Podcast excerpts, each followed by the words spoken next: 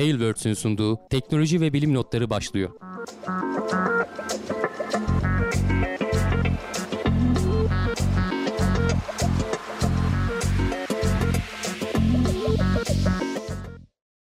Teknoloji ve bilim notlarına hoş geldiniz. Ben Hamdi Kellecioğlu. Karşımda Volkan Ekmen var. Her hafta olduğu gibi teknoloji ve bilim dünyasından gözümüze çarpan, çarpan haberlerle karşınızdayız. Nasılsın Volkan?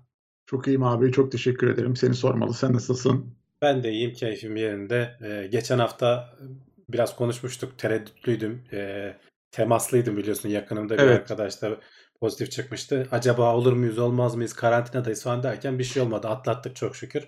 Kapanmayı da yakaladık. Artık bundan sonra herhalde dışarıda çıkmam hiçbir şekilde. Uzaktan çalışmaya devam ederim. Ne güzel. Ee, iyiyiz yani şimdilik. Ee, evde oturmayı seven bir insan olarak da e, ben açıkçası şeyde yaşamıyorum. Hani bunun depresif etkileri vesairesini falan da yaşamıyorum. Ne güzel. Bana bir bilgisayar ver önüme yeter yani. Dünya- ben. Evcimen. dünyayı unuturum ondan Aynen, sonra. bilgisayarım olsun gerisi önemli değil. Ama hanımla İnternet de, kavga o- ediyoruz. internet de olacak ama yani öyle tek başına Tabii, bilgisayar tabii, kesmiyor olmaz. tabii ki. Biz hanımla kavga ediyoruz ama o konuda ya. Yani yeter sen Ben bilgisayarın de ediyorum başında canım yapacak vakit bir şey geçiriyorsun yani. diye.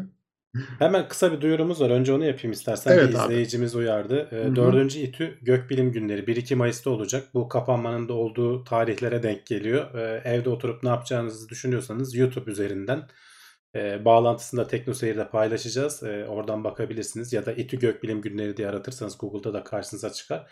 İki gün boyunca çeşitli konuşmacılar e, 12.30 ile 17 arasında e, işte genişleyen ufuklar, kara deliklerin çevresinden gelen ışınımın doğası, e, evrendeki tuhaflıklar falan gibi başlıklar altında. Şimdi ben bütün başlıkları okumayayım. İki gün boyunca merak edenler bizim izleyici kitlemize de hitap ediyor.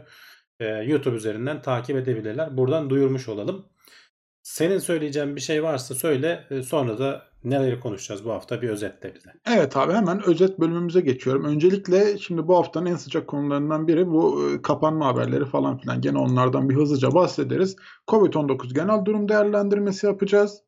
Ee, ve hemen ardından e, Oxford Üniversitesi sonuçları gö- gözlemlemek için e, bir grup gönüllüye ikinci kere koronavirüsü bulaştırdı. İsteyerek, bilerek yaptı bunu. E, sonuçlarını incelemeye başlarız. Sıtmaya karşı üretilen ilk başarılı aşı binlerce e, ölümün önüne geçebilir. Haberimiz var ve Crew 2 görevi başarıyla ISS'e kenetlendi. 11 kişi oldular. E, bayağı da zevkli bir de.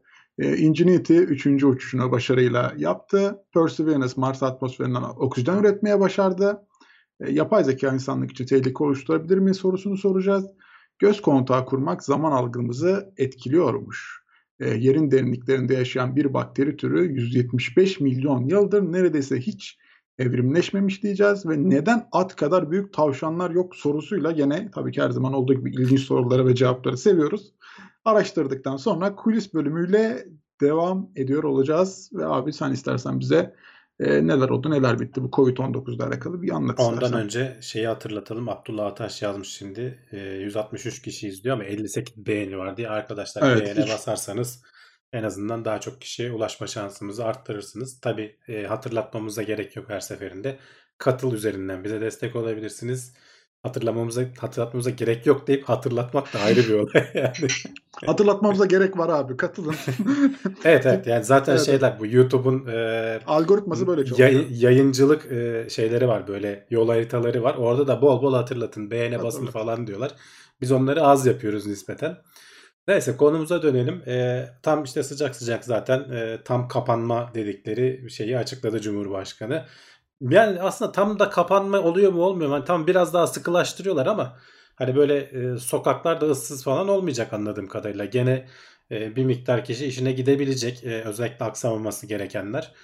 E, şeyler e, restoranlar vesaire marketler işte paket servis üzerinden açık olabilecek sadece. Şehirler arası yolculuklar için izne tabi tutuldu. Yani eski bir uzun zamandır serbestti. E, HES kodu alıp gidebiliyordun ama şimdi artık bayağı izin alman gerekiyor. E, bunu da bir yaklaşık 18-20 gün eğer daha uzatmazlarsa tabii.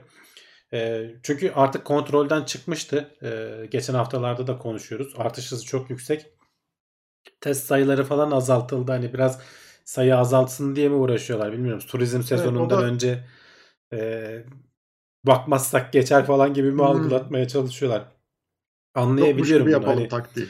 Ya anlayabiliyorum çünkü dediğim gibi e, sonuçta bunları çok fazla da rapor ettiğin zaman e, rapor etmeyen ülkeler nezdinde de şey oluyorsun. Dezavantajlı duruma düşünüyorsun ve Kesinlikle. e, başka ülkeler de açıkçası e, hani herkes de sütten çıkmış ak kaşık değil. Burada sonuçta herkesin ekonomisi etkilendi. Herkes birbirinden e, bir şekilde daha fazla faydalanma derdinde. E, bu tam turizm sezonu öncesi bu uzun kapanma dönemi ki belki biraz daha uzatılabilir. Bence iyi olacak. Baya baya sayıları azaltacaktır. Aşılanmalar bir yandan devam ediyor. Bir miktar aşı problemimiz var. Sinovac gönderse aslında çok bir problemimiz olmayacak ama Çin hükümeti galiba önce benim vatandaşlarım aşılansın sonra diğer ülkelere gönderebilirsiniz falan gibi. Orada da biliyorsun işin içine siyaset falan giriyor işte. Bu sadece olaya sağlık açısından bakamıyorsun. İşte e, ülkeler arasında yaşanan e, sıkıntılar vesaireler veya işte çekişmeler e, bu şeyleri etkiliyor hemen. Ki hani geçenlerde Çin hükümetiyle işte bizim e, bazı siyasilerimiz arasında garip bir atışmalar oldu. Hani hiç görmediğimiz şekilde bir devlet hakkımız saklıdır bakacağız falan gibi böyle saçma sapan açıklamalar yaptı.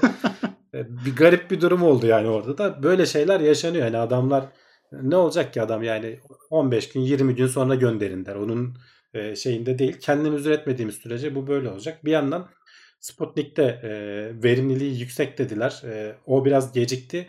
Aslında ilk başlayanlardan, ilk açıklayandı galiba. Putin hatta ben olacağım ya da kızım mı olacağım demişti, olacak demişti. Ama e, Dünya Sağlık Örgütü'nün standartlarına pek uymuyordu galiba şeyleri. Bizim Sağlık Bakanı da zamanında öyle dedi. Sonradan bunu toparladılar benim anladığım kadarıyla ve e, şey oranında yüksek diyorlar. Koruyuculuk oranında yüksek diyorlar. Tabii ki gene bizim ülkemizin içindeki denetimlerden geçecek. Bir avantajı şu Sputnik aşısını Türkiye'de üretilecek olması. E, bir Türk firması bunun şeyini almış. E, üretim e, ne denir hakkını almış. Tabii ki hani Türkiye'de üretilecek hemen Türkiye'ye kullanılacak anlamına gelmeyebilir bu. Ama eğer satın alınacaksa da e, sonuçta zaten buradayken satın almak avantajlı. Bir yandan üretmesi de bir dert çünkü malzeme bulamıyorsun. İşte o şişelerin bulunmasından tut da ham maddeye kadar e, bir sürü sıkıntı yaşanıyor. Geçen haftalarda benim paylaştığım bir grafik vardı. Onu şöyle kısaca bir daha paylaşmak istiyorum. Ülkelerin aşılanma durumu diye. Bu e, burada grafiğin bir ayrıntısı varmış. Ben dikkat etmemişim. Şimdi bu uygulanan e, dozlar. E, şurada zaten vaksin dozuz diye yukarıda yazıyor. E, en en kalabalık 30 ülke burada alınıyor. Yoksa İspanya falan şey İspanya diyorum. E, İsrail falan çok çok daha yukarılarda vatandaşına göre orantıladığında ama Hı. Nüfusun kalabalıklığı tabii bu aşılamayı zorlaştırdığı için en kalabalık 30 ülkeyi almak avantajlı burada. Şimdi burada tüm vatandaşlara uygulanan dozlar. Burada Türkiye uzunca bir süre İngiltere ve Amerika'dan sonra 3. sıradaydı. Geçen hafta altlara düştük. 5. sıralara falan indik demiştim işte Almanya, İtalya'dan sonra. Şeye baktım şu yukarıdan e, fully vaccinated diyor. Bakın iki kere e, aşısını olmuş kişiler aslında daha güzel e, bir bilgi verecek. Buna baktığın zaman Amerika bayağı açık arayla önde. İkinci doz aşısını yapan e, yüzde, bütün nüfusunun %28'inin ikinci doz aşısında yapmış Amerika. E, İngiltere %18'e düşüyor burada. E, benim arkadaşlarım var İngiltere'de oturup hani iki ay önce oldum hala ikinci aşının sırasının gelmesini bekliyor. Bekliyorum yazmış. Yani orada da kendi üretiyor olmalarına rağmen demek ki tedarikte sıkıntı yaşıyorlar. Üçüncü sırada gene Türkiye var. Bak iki doz yapanlarda biz tek doz aşılanmalarda ya da doz sayısına baktığın zaman gerilere gidiyorduk ama iki doz aşılanmalarda e, ki hani koruyuculuk ondan sonra başlıyor. Türkiye gene üst sıralarda. Tabi bu değişecektir muhtemelen çünkü gene Fransa'nın, e, İtalya'nın ve Almanya'nın bu Biontech üzerinden aşılara ulaşma oranı bize göre çok daha fazla. Kesinlikle. E, burada tabi şeyleri falan eleştiriler oluyor. Hani e, işte tek bir aşı şeyine e, bel bağlarsan böyle olur falan gibi eleştiriler gördüm ama zamanında bu soruyu bakana sormuşlardı. Hani verdiler de almadık mı şeklinde bir açıklaması olmuştu adamın. Çünkü hakikaten arkadaşlar bu şeyde hatırlarsan bu ilk çıktığında geçen sene maskeler falan nasıl millet birbirinin kapış kapış gidiyordu ürününe abi. el koyuyordu. Yani hani Evet. bırak şeyi e, başkasının ürününe el koyup göndermiyordu falan. Yani e, muhtemelen ilk başta e, bizde hani iletişim kuruldu ama tabii ki bu sonuçta Avrupa Birliği ve Amerika vesaire falan bastırıp e, onlar önce biz dedikten sonra sana Eylül'e Ekim'e aralığa gün veriyorlar. ve işte şu kadar doz verebiliriz diyorlar. Çünkü adamların üretim kapasitesi belli. Sen de alternatifler arıyorsun. O yüzden muhtemelen biz Sinovac'a gittik. Eğer o zamanlar Sputnik'in de şeyi doğru olsaydı, e, testleri düzgün olsaydı onlardan da alırdık muhtemelen. Çünkü zaten bulabildiğin her yerden alacaksın ve e, bir şekilde olacaksın bu aşıyı. E, kimin üretimine vesaire olduğuna bakmadan. Neyse bir şekilde devam ediyoruz işte bakalım. Yani e, biz de bu aşılamaları falan takip edeceğiz. İnşallah Çin hükümeti e, insafa gelir de ipin ucunu salar ne diyeyim yani. Ama Diyebileceğimiz pek de bir şey işte yok. şu onlar an. da biraz şey yapıyorlar yani kendi halkları tabii ki öncelikle geldiği için orada bir böyle iç savaş gibi yani böyle iç tartışma durumu var. Ee, onlar açısından baktığın zaman da kendi halkları da haklıdır bence. Hani onlar da ilk başta aşı olmak istemeleri gayet normal, gayet doğal. Tabii tabii ki tabii ki. Yani şimdi biz e- üretseydik biz daha kendi ülkemizi tamamen aşılamadan başka ki hani Türkiye'de de yaşandı. Geçenlerde mesela Libya'ya bir 150 bin doz gönderildi. Ne kadar olay çıkardık biz Tabii, de tabii. burada biz daha kendimizi Hı hı. yapmadan. İşte bunların çünkü işin de- içinde dediğim gibi sadece sağlık değil mesele. Çünkü siyaset de var. Hani sonuçta e, başka ülkeleri sıkıştırabiliyorsun veya onlara böyle şey davranabiliyorsun. Hani yumuşak güç vesaire falan dediklerinin içine bu tarz şeyler giriyor.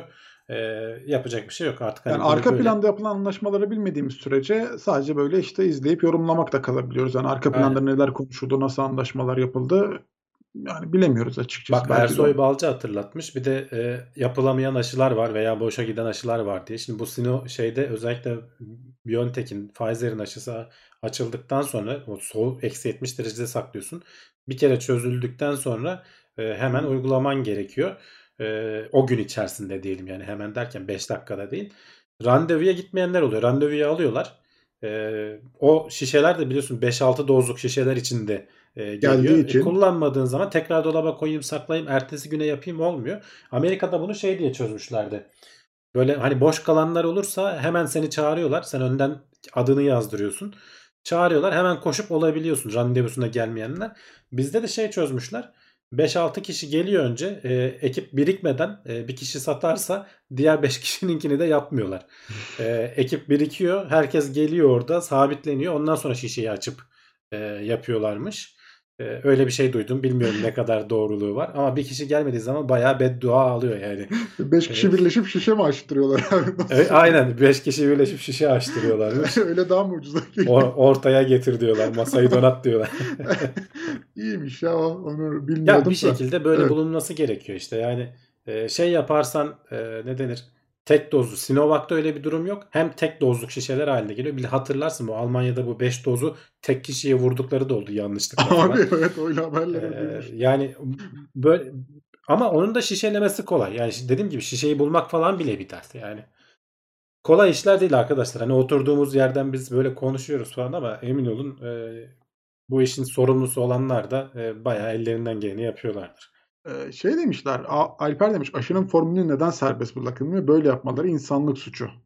Ama ticaret var işin içinde. Ya şimdi bir şey diyemiyoruz arkadaşlar. Pfizer'in hani şimdi acele etmek adına e, sadece hani bu bir yılda geliştirdik bu aşıyı. Çok ciddi bir şey.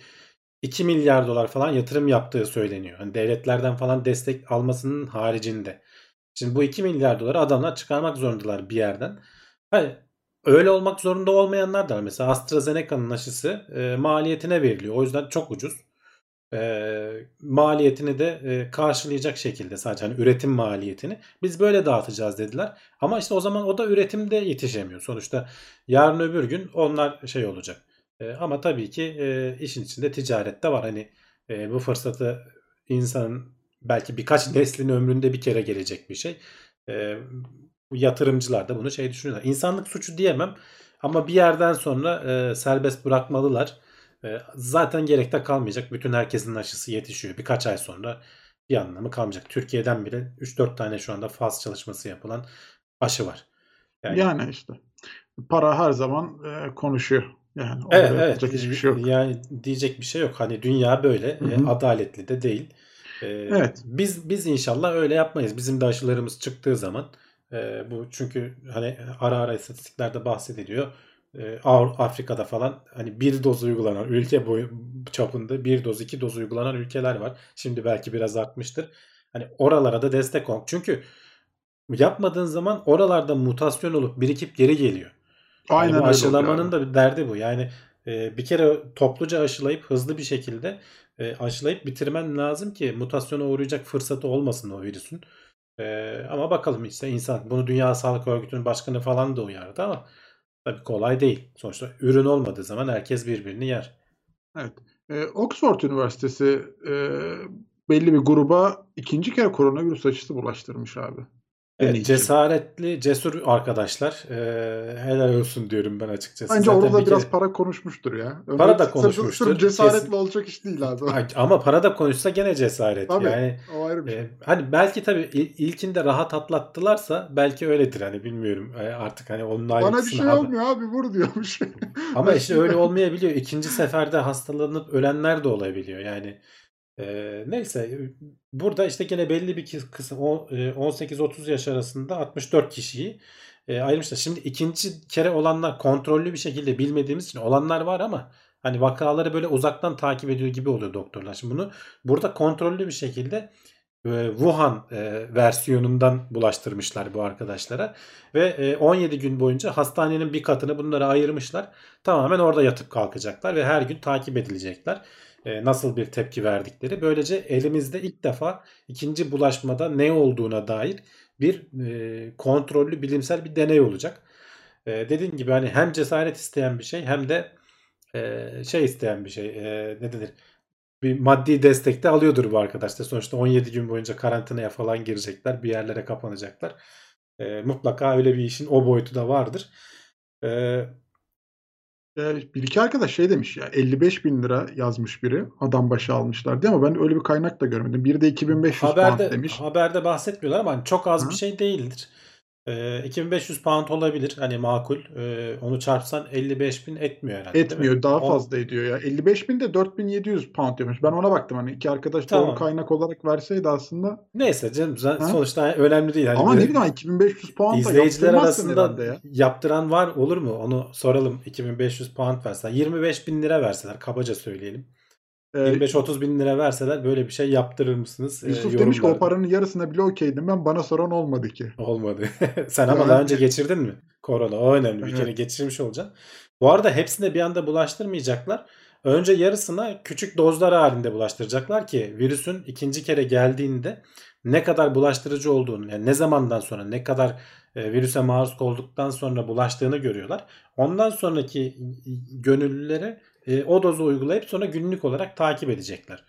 E, birbirlerine karışmasınlar diye böyle bir kontrollü deney ortamı kurmuşlar. Bakalım hani sonuçları açıklanırsa biz de üzerine gene konuşuruz önümüze düşerse haber olarak. Aynen. Bu arada ben yaptırırım diyen çok fazla kişi var. Bilim için para almam diyen var. işte Yani- işte gerçek bilim aşkı. Burada iyi para 2500 pound. Şimdi oradan baktığın zaman öyle de bence oradaki şartlar altında 2500 pound çok çok az geldi bana. Niye bilmiyorum. Orada da az değildir ya herhalde. Allah Allah. 2500 pound orada da az değildir yani zannetmiyorum. Olabilir. Neyse bakalım. Sonuçlara da devam ediyor herhalde değil mi abi? Bir böyle kesinleşmiş. Daha yeni başlayacaklar. Yeni zaten. başlıyorlar, Daha değil mi? Ortada bir Tamam. şey yok. Sonuçları bayağı bir uzun zaman sonra görürüz. Görürüz. Ee, sıradaki haber aslında gene e, hı. korona ile ilgili değil ama gene başka insanlar kök söktüren bir hastalıkla ilgili. Sıtmaya e, karşı %77 oranında bebekler üzerinde yapılan denemelerde %77 oranında koruyuculuğu olan e, bir aşı e, üretilmiş. E, biliyorsun hani hiç gündeme gelmiyor. Şimdi korona hayatımızda çok merkezinde ama sıtma her sene e, 400 bin 500 bin kişinin hayatına mal oluyor. E, ama tabii ki bunlar daha çok işte ekvator bölgelerinde, Afrika gibi yerlerde e, nispeten gelir düzeyinin düşük olduğu yerlerde. E, o yüzden pek hani gündemimize gelmiyor. Bizim buralarda çok yaşanan bir şey değil. E, ama insanlık tarihi boyunca e, hani sivrisineklerin en çok insan öldürdüğünü ara ara konuşmuşuzdur biz. E, hatta bütün sivrisineklerin kökünü kazısak falan diyen bilim insanları falan bile var. Ama herhalde öyle şeylere önlem almaya gerek kalmayacak. Ee, aha bu arada şunu söyleyeyim. Bak az önceki karşılaştırma açısından biz koronaya karşı aşıyı bir yıl hadi belki bir, bir buçuk yıl gibi bir süre içerisinde ürettik diyelim. Ee, sıtmaya karşı ilk aşı denemeleri 1940'larda başlıyor. Yani e, insanlık e, 70 yıldır falan e, 70-80 yıldır bunu e, sıtma belasına karşı aşı üretme derdinde. Ancak yeni yeni başarılı oluyoruz. O da %77 oranında 450 bebek üzerinde denenmiş ve bir yıl boyunca takip etmişler. işte vurulmayanlara göre e, sıtmaya yakalanma ve e, işte ne kadar ağır geçirdiğine dönük bir şey. E, Dünya Sağlık Örgütü'nün hedefi 2030 yılına kadar %75 en az korumayı gösteren bir e, aşıya sahip olmakmış. E, onu da geçmişiz. Onu da yakalamış gibi görünüyoruz. Tabii ki faz 3 çalışmaları yapılacak. 4800 çocuk üzerinde. Şu anda faz 2 çalışmalar ama hani diyorlar ki uzmanlar koronada çünkü bunda da çok fazla insan ölüyor.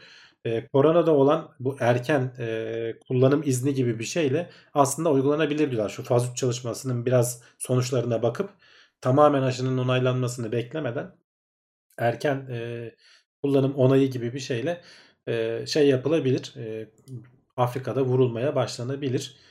E, önemli bir gelişme aslında. Dediğim gibi hani korona çok şu anda gündemde ama e, sıtma da e, özellikle işte az gelişmiş ülkelerde en büyük e, ölüm nedenlerinden biri. Çocukları çok etkiliyor özellikle. Bebekler ve çocukları e, bağışıklık sistemleri herhalde yeterince güçlü olmadığı için mi artık tam bilemiyorum. E, inşallah bundan da kurtulacağız. Bu beladan Evet. da. E, Kenya'da sıtma oldum ben. Dördüncü gün iğneyle geçti demiş Ersoy. Evet Ee, yani hani sonuçta tedavisi var. Ee, eskiden beri hani tedavisini biliyoruz ama işte o tedaviye ulaşamayanlar da oluyor veya çocuklar da belki tedaviye de cevap vermiyor olabilirler. Evet. Reha da demiş ki yaz geliyor yeni sinekler gelecek. Bence soylarını kurutalım. Onun da bir yan etkisi vardır. Olmayabileceğini söylüyorlar ya ben de öyle düşündüm Ee, ama Yani- sivrisinekler için Yani e, bilenmiş millet bir yani dengesi bayağı. yok mu ya? o kadar mı zararlı? Ya bir dengesi mutlaka vardır da o dengeyi doldurabilecek başka hayvanlar olabilir Olabilir. belki de o yüzden Hani bir diyorlar. ara çekirdek şey çekirgelerin falan böyle e, soyunu kurutmaya falan çalışmışlardı. Öyle bir şey mi olmuştu? Kuşların mıydı? Bir şeyler okumuştum öyle de. Çekirgelerde şey vardı işte bir e, Afrika'ya falan bela oluyorlar. E, ama şey değil onları kurutamıyorsun işte. Bir anda çıktılar mı ve ipin ucu kaçtı mı engel olamıyorsun hayvanlara. Yani ekosistem biraz Yani tehlikeli ya. sivrisineklerle biz hani geçmişte hep konuştuk. Özel genetiği değiştirmiş hayvanları doğaya salmaktan tut da yani onun gibi pek çok başka. Çünkü bu Zika Mika falan da ortaya çıktı biliyorsun. Güney Amerika'da e, Amerika tarafına falan da biraz yayıldı. E, özellikle hamileleri etkiliyordu o da. E, şimdi pek o da gündeme gelmiyor ama hani koronadan hemen önce bir Zika salgınından falan bahsediliyordu. Yani bu sivrisinekler bayağı başa bela açıkçası. E, bakalım hani onların da tabii böyle genetiği değiştirilmiş bir şeyin doğaya salınması ne kadar e, çünkü saldın mı bir daha kontrol sende değil artık hayvanlar çoğalabiliyor. Gerçi onların çoğalmasını engelleyecek şekilde bir şeyler yapıyorlar. E, ama gene de hani soru işaretleri. E, bakalım aşı, aşı da en azından savaşma anlamında iyi bir şey. E, böyle bir insanlığın başına bela olan bir hastalık açısından. Evet, eee, uzaya doğru geçiyoruz herkes hazırsa. Hem de çok güzel bir haberle benim gözümde. Crew 2 görevi başarıyla ISS'e kenetlendi. Yeniden e, fırlatılan bir roketle değil mi abi? Ee, evet, e, roket değil aslında kapsül diyebilir, Kapsül, diyebiliriz. Ee, bu geçen sene demo görevinde kullanılan kapsül e, ISS te, as, 4 tane astronot taşıdı tekrardan. Ee, biraz işte üzerinde değişiklikler yaptılar. Ee, ama sıfırdan üretilmiş bir kapsül değil. Bu anlamda önemli. Çünkü hani Crew 2 aslında Crew 1'in devamı gibi. Hani geçen hafta konuşuyorduk artık pek bir haber değeri vesairesi kalmadı diye. Ee, dolayısıyla e, şey oldu sorunsuz bir şekilde 24 saatin altına fırlatmadan sonra 24 saatin tamamlanmadan e, ISS'e kenetlendi. Sadece arada e, bir şey yaşamışlar onu söylemekte fayda var. E, normalde fırlatma esnasında bu giysilerini giyiyorlar işte o SpaceX'in e, tasarımı olan giysileri. Onları uzay giysileri değil biliyorsunuz. Astronot dış uzayda çalışacak giysileri değil. Sadece araç içinde olası tehlikelere karşı belli bir süre seni koruyacak e, bir sistem. E, fırlatma esnasında falan giyiyorsun sonra çıkarıyorsun. E, ISS'e kenetlenirken tekrar giyiyorsun ama arada şey olmuşlar. E, bu e, yörüngede galiba e, tehlikeli bir çarpışma ihtimali olmasına karşın e, tekrar giyin hatta kasklarınızı falan da kapatın demişler. Astronotlar o şekilde bek- beklemiş. Bir uzay Ee, çöplüğü dönüşüne falan onun bir güzel Evet, evet. denk Yani gelme çarpma durumları falan ihtimali- olmuş. Hı hı. Çarpma ihtimali var diye e, önlem adına böyle şeyleri yaptırtabiliyorlar. E, giy çıkar giy çıkar yalan olmuşlardır herhalde. Çünkü o daracık ortamda onu giymek de Çok kolay zordur. değil yani. Çok zordur. Ee, şey gibi değil tabii ki o dediğim gibi o dış uzay elbiseleri kadar zor değil. Ama gene de hani dar ortamda giymek zordur herhalde. Ee, Kesinlikle. gerçi hani kapsülün içi de o kadar da dar değildi. Ee, 3 kişi koltukta otururken diğer bir kişi herhalde rahat rahat gidiyor. Belki sırayla falan yapmışlardır. Bilmiyorum. Onların görüntüsü yok yani. Şöyle biraz hızlı hızlı ilerleteyim kenetlenme kısmını. Ee, sonra da işte kenetlendikten sonra falan bir iki saat sürüyor kapağın açılması. işte basınçta sızdırma oluyor mu olmuyor mu bunların testinin yapılması e, vesaire. Şimdi e, tabii ki en sonunda da şu görüntü oluştu. Onu da göstereyim. E, şu anda ISS'te 2011'den beri en fazla astronot var. 11 kişi var şu anda. Şu ortadaki 4 kişi son gelen kişiler. Diğerleri de zaten hem Soyuz'un taşıdığı hem de Crew e, 1 ekibi. E, bunlar tabii ki Crew 1 ekibi fazla kalmayacak orada. İşte bir 3-4 günlük devir teslimden sonra e, Crew 1'e binip dünyaya geri dönecekler. Haftaya falan da e, 28'indeydi galiba. Onu konuşuruz. E, şu anda işte o son e, görev teslimatlarını vesaireleri falan yapıyorlar birbirlerine.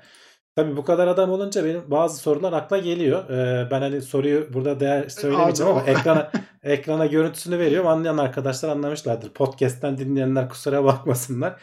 Ee, şimdi 11 kişi e, ISS'te olunca e, bu kişiler nerede yatacak, ne yiyecekler falan soruları geliyor insanın aklına. Yer yatağı da seremezsin. Yer çekimi yok. Ee, hani evlerde falan öyle ya bizim. Ee, bazen böyle fazla misafir gelince yere yatak falan serilir. Bunlar herhalde e, tulumları bir yerlere asıyorlar herhalde. Dediğim gibi en son 2011'de bu kadar bu seviyelere ulaşmış. E, galiba yanlış hatırlamıyorsam da 14 kişiye kadar falan e, insanları idare edebilecek kadar şey var. Küçük küçük kompartmanlar var böyle içinde e, kapatıp kendini e, tulumuna e, uyuduğun öyle çok büyük odaları vesairesi falan yok tabii ki uzaydalar.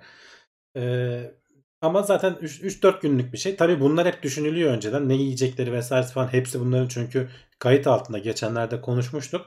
E, açtığın pakete kadar e, yazıyorsun, not alıyorsun. Çünkü hani bir zehirlenme vesaire vakası olursa e, sana nasıl müdahale edecekler, ne yediğini bilmeleri lazım. Yani yemeden önce paketi açıp işte 14B'yi yedim falan diye notunu alıyorsun önceden bildiriyorsun.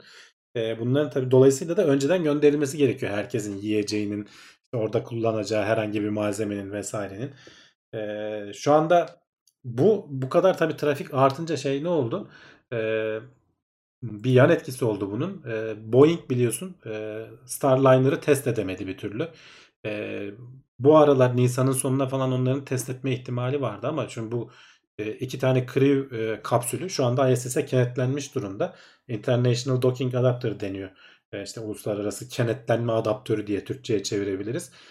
Bundan iki tane var. İkisi de şu anda Crew Dragon tarafından kullanılıyor ve trafik var. Hani bir Soyuz gidiyor, işte Crew geliyor, bir Dragon geliyor. Bir yandan işte bilimsel deneyler falan yapıyorlar. Starliner ne zaman gidecek? açıkçası ertelene ertelene bir ay oldu. Adamlar da deneyemediler. Boeing gibi devasa bir firma. Hani SpaceX artık ikinci, üçüncü turu bindirmiş oldu adamlara.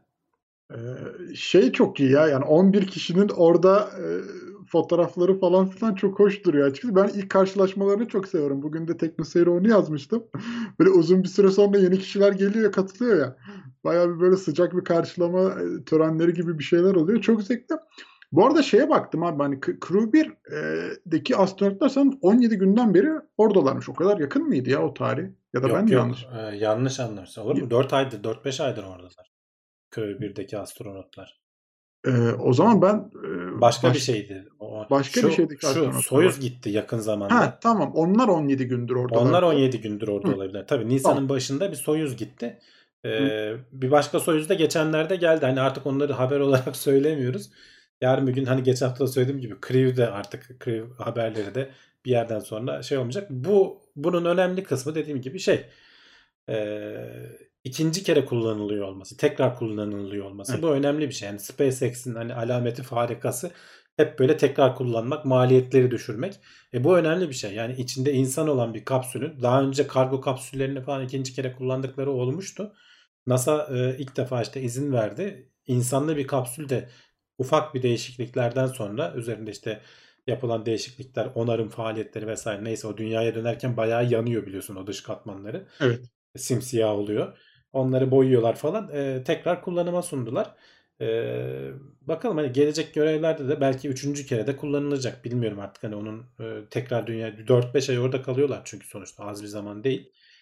E, o arada işte uzayın e, yıpratıcı koşullarına maruz kalıp dünyaya da bir de dönerken atmosferin yıpratıcı koşulları. Ondan sonra e, düzenleme tekrar olur mu? Üçüncü kere gider mi? Göreceğiz. Hani Crew 4 ya da 5 görevinde artık bilmiyorum ne zaman ne, nasıl olur. Böyle yorumlara bakıyorum bu konuyla ilgili yorum var mı? Konuyu anlamış herkes. Herkes o Evet, videoyu onunla, biliyor. onunla yani. alakalı çok yorum var. Ee, onu konuşmuşlar sağ olsunlar. Şey demişler ya e, yatmayla alakalı yer çekimsiz ortam zaten işte uyusunlar diye demişler de o bel ağrısı Ya- yapar mı acaba yer çekimsiz ortamda yatmak? Bir ağrı yapmaz da hani öyle sallan havada uça uça uyuyamazsın. Hani kendini Yani bir yere sabitlemen lazım. Ee, onu da dediğim gibi duvara asılmış böyle şeylerin üzerinde tulumlarına girip kendilerini duvara şey yapıyorlar. Böyle eller falan havada oluyor şöyle. e, havada süzülüyorlar aslında. Şu fotoğrafta da baksana şeyde e, astronotlardan biri e, saçları uçuşuyor. Şu gö- Evet. görüntüyü vereyim hemen. Bu arada e, galiba bu e, ilk giden Demo 1 görevinde e, Bob Bob Behken miydi? Onun karısı. İkisi de astronot. E, Demo 1 görevinde giderken e, karısı onu yolcu ediyor. O arabalara biniyorlar yani aileleriyle bir görüştürdüler falan. E, hatırlayacak da belki o şeyleri izleyenler. E, ro- şeye kapsüle gitmeden önce elbiseleri giyip gitmeden önce arabalara git biniyorsun. Ee, yayın gitti abi. Aileleriyle şey yapıyorlar. E, yayın mı gitti? Evet. Heh, şimdi düzeliyor gibi oldu sanki. Bende bir sıkıntı yok. Tamam. Yayın- Bende de bir sıkıntı oldu da şimdi düzeliyor gibi oldu sanki. Bir Tamam. yazsınlar bakalım. Geldik değil mi arkadaşlar? Ondan bir emin olalım. Ben de geldik görünüyor çünkü de. Anlık donduk demişler ama Aynen. Hala devam ediyorsa Heh, gelmiş tamam. Çok güzel abi. Devam edelim. Sıkıntımız yok şu an. güzel. Ee, işte iki tane astronot çift ee, dediğim gibi Hı. bir önceki demo görevinde karısı uğurlamıştı. Bu sefer de kendisi karısını uğurladı. Ee, bilmiyorum ileride tekrar başka görev olur mu? Ee, böyle bir ayrıntı. Onu da Aynen. belirtmiş olalım. Derken uzaya gittik geldik aynen. Bir internet oraya taşındı geldi. Sıkıntı yok. Evet abi. E, ISS'ten haberler gelmeye devam edecek. Dönecekler dedik. Ona da bakarız döndükleri zaman. Şimdi e, Ingenuity ilk uçuşunu yaptığında bayağı sevmiştik. Artık o arttırdı. Üçüncü uçuşunu da başarılı yapmış. Hem de bayağı uzun bir süre sağa sola da uçmuş. Neler yapmış? Evet önce ikinci uçuş yaptı. Biz geçen hafta birinci uçuşu yaptı dedik. Evet. O böyle bir 3 metre yükselip e, hafif dönüp inmişti. Şimdi ikinci uçuşu ekrana veriyorum bir yandan. E, ekrana veriyorum deyip vermemişim. Onu da ver- vereyim Bir şey şöyle. E, şuradan bulabilirsem. İkinci uçuşu biraz iyileştirilmiş hali. O yüzden bunu ekrana veriyorum. E, ikinci uçuşta 5 metre kadar yükseldi. Daha fazla sağa sola döndü ve çok hafif sağa sola hareket etti. E, ondan sonra gene dünyaya indi. Şey dünyaya diyorum Mars'ın yüzeyine indi. sorunsuz bir şekilde. Üçüncü uçuş hemen birkaç gün sonra biraz acele ediyorlar. Çünkü hani geçen haftalarda söylemiştim bir aylık bir süreleri vardı. Onun ilk iki haftasını e, şeylerle yediler. E, ne denir? E, yazılım sorunlarıyla falan yediler. E, şimdi o yüzden biraz acele ediyorlar. E, ama iki denemede başarılı oldu. Hatta üçüncü deneme artık gene 5 metre şurada bakın solda biraz e, küçük görünüyor. Görüntü kalitesi çok iyi değil ama hareket ettiğinde göreceksiniz. E, üçüncü denemede e, artık bayağı 5 metre yükseldi. E, hafif sağa sola dönme manevralarını gene yaptı. Ondan sonra yatayda e, saniyede 2 metre hızla e, 100 metre gidip 100 metre geldi ya da 80 metre gidip 80 metre mi geldi? Yani bayağı bir mesafe kat etti. Öyle sadece olduğu yerde gidip gelme şeklinde değil. Zaten ekrandan taşıyor. E, Perseverance kafasını çevirip takip etmemiş. E, onu şöyle biraz ilerleteyim videoyu. Evet. Bakın geri geliyor. Gene geldiği yere de iniyor. E, orayı e, biliyorsun Wright kardeşler havaalanı diye e, isimlendirdiler. Evet. Ee, ve yani her şey çok başarılı görülüyor. Artık e, Mars atmosferinde uçabildiklerini falan gösterdiler. E, artık iş şeye kaldı tamamen. E, ne denir? Risk alacaklar bundan sonra. Hani dördüncüde de baya baya daha uzak yerlere. En son beşincide de belki e, 300 metrelik mesafelere. Çünkü bunun e, küçük bir alet. Hani 1.8 kilo e, pilinin kapasitesi belli. 90 saniye falan uçabiliyor en fazla.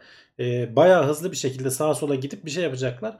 E, ve hani muhtemelen indiği yer de artık şey olacak. Yani gitme gelme değil gittiği yere konma şeklinde ve daha önceden görmediğimiz bir yere kondurmayı deneyeceğiz diyorlar. Eğer hani iniş esnasında bir abuk subuk durum olursa e, muhtemelen o Ingenuity'yi kaybediyor olacağız. Ama zaten e, 4 kere 5 kere e, uçma şeyi var. E, planlanmıştı. Artık başka bir gezegende e, pervaneli bir araçla uçabildiğimizi de gösterdik. E, Benim şey insanlık olarak. dikkatimi çekti ya. Böyle ilk uçuştan beri sanki böyle Perseverance böyle yavaş yavaş yoluna devam ediyor gibi geldi bana. Hani böyle Uzaklaşıyor uzak- diyorsun. çaktırma. Uzaklaşıyor. Çaktırmadan hani bırakın artık ben kendi görevlerimi yapacağım der gibi. Yok aslında Böyle- onlar da boş durmuyor. Sıradaki haber de aslında belki onunla alakalı. Hemen oraya bağlayalım. Hemen oraya geçelim evet abi. Birlikte konuşalım. Hı hı. Ee, Perseverance hani olduğu yerde boş durmuyor. Oksijen üretiyor. O da ayrı bir e, deney. Üzerinde böyle e, tost makinesinden biraz büyük bir alet var. MOXIE denilen. E, %96 karbondioksitten oluşuyor diye konuşmuştuk Mars'ın atmosferi.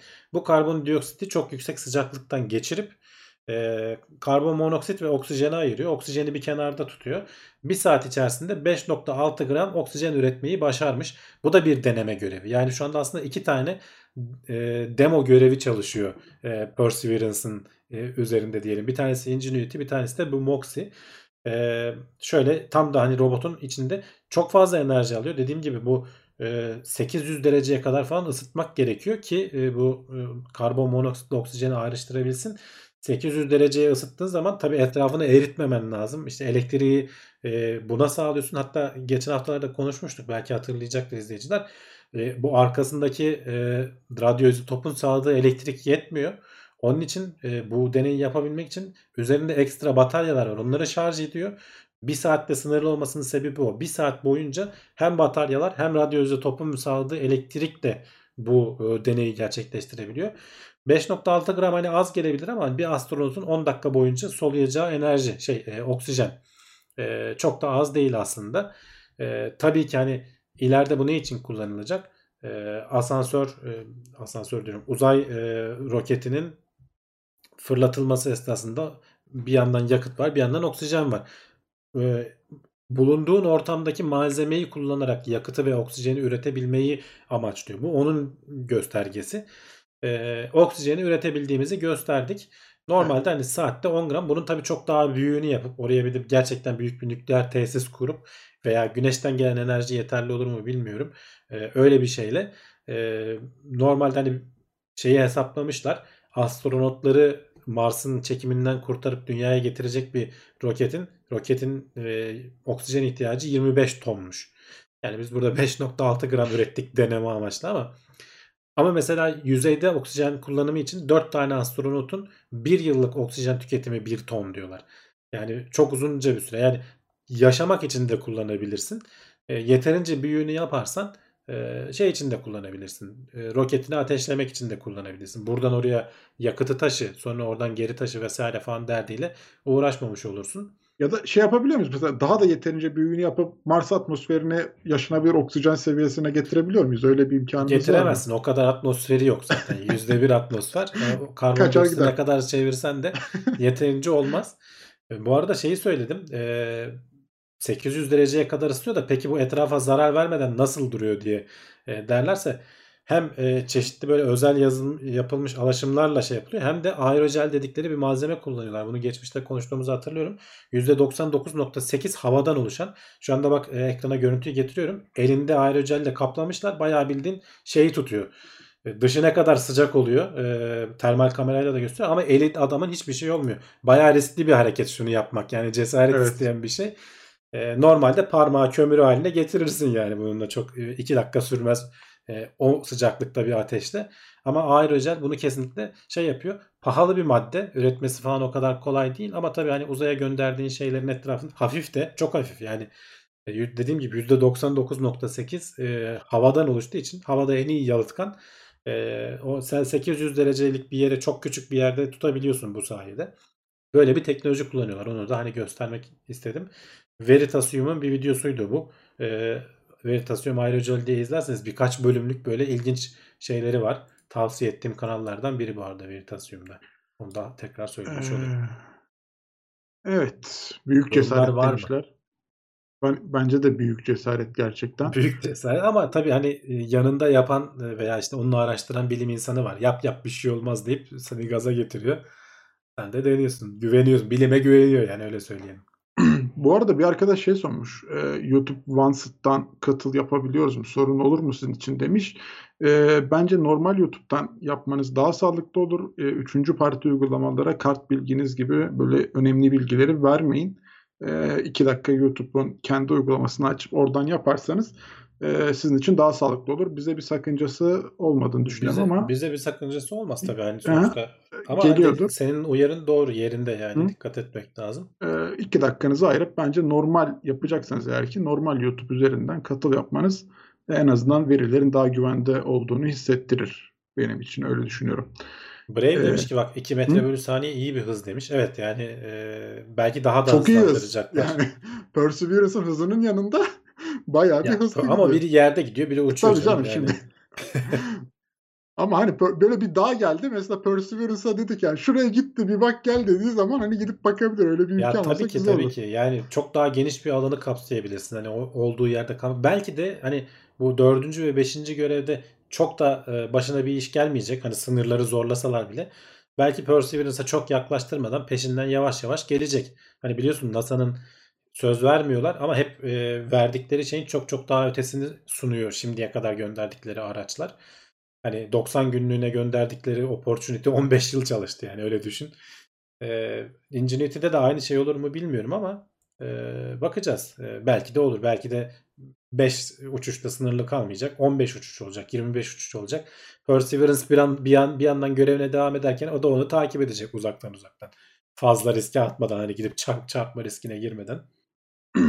Evet. eee, uzay haberlerimizi böylece bitirmiş olduk. Şimdi işte yeryüzünden ve bizden insanlıktan haberlere geçeceğiz ama önce şöyle bir hemen bir dinlenmek de babında kısaca hatırlatmalarımızı yapalım.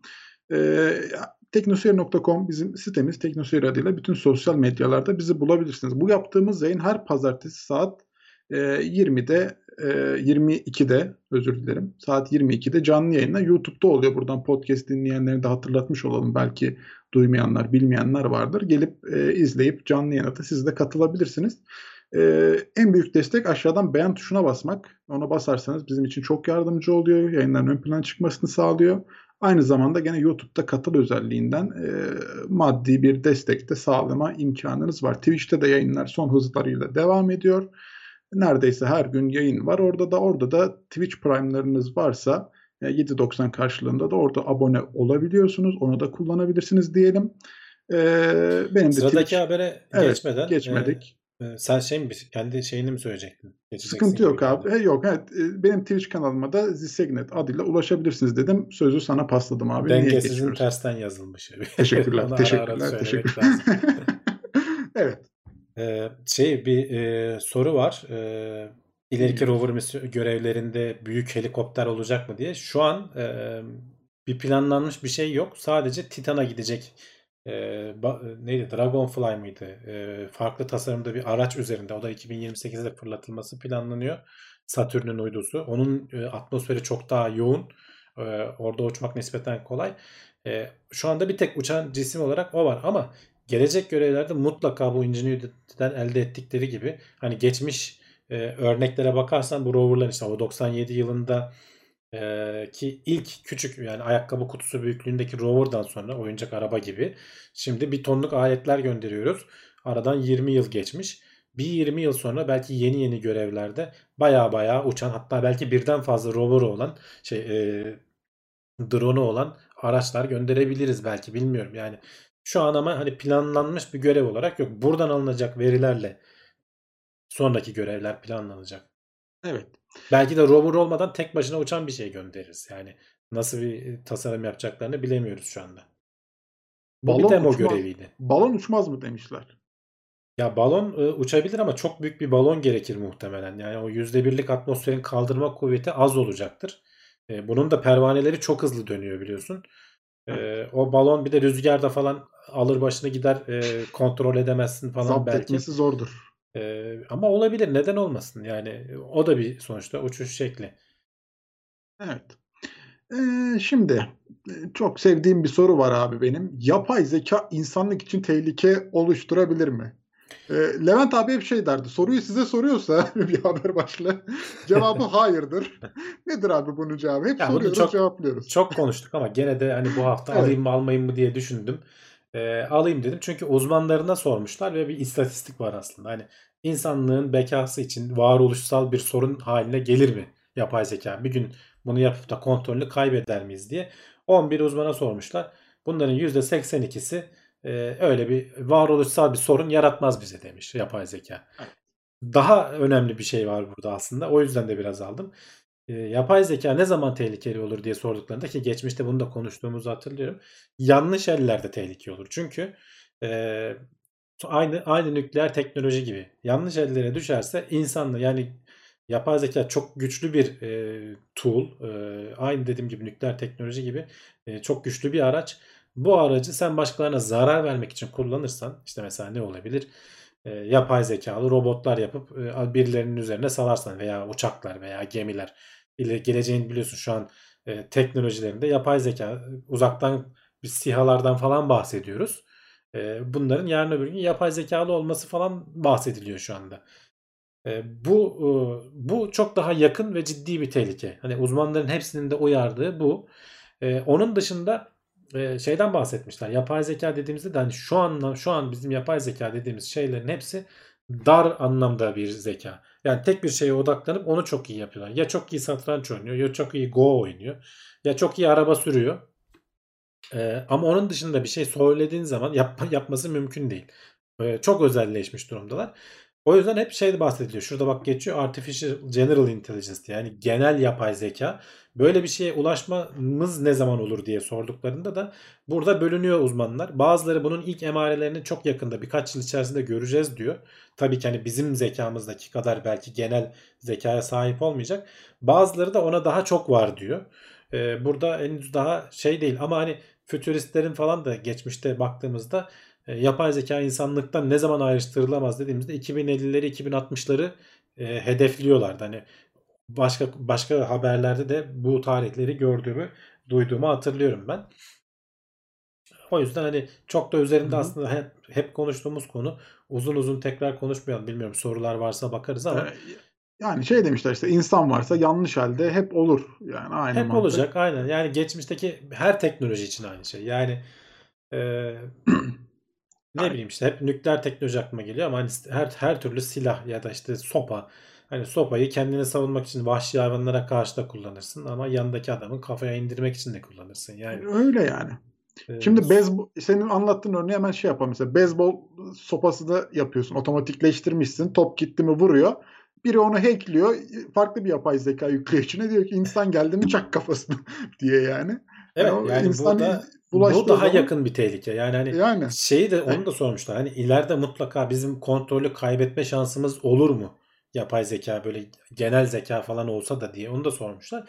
Orada da hani uzmanlar diyor ki yani bu kadar riskli bir şeyi biz bin tane denetim mekanizması koymadan e, şey yap yapamayız. Hani ortalığa salmayız.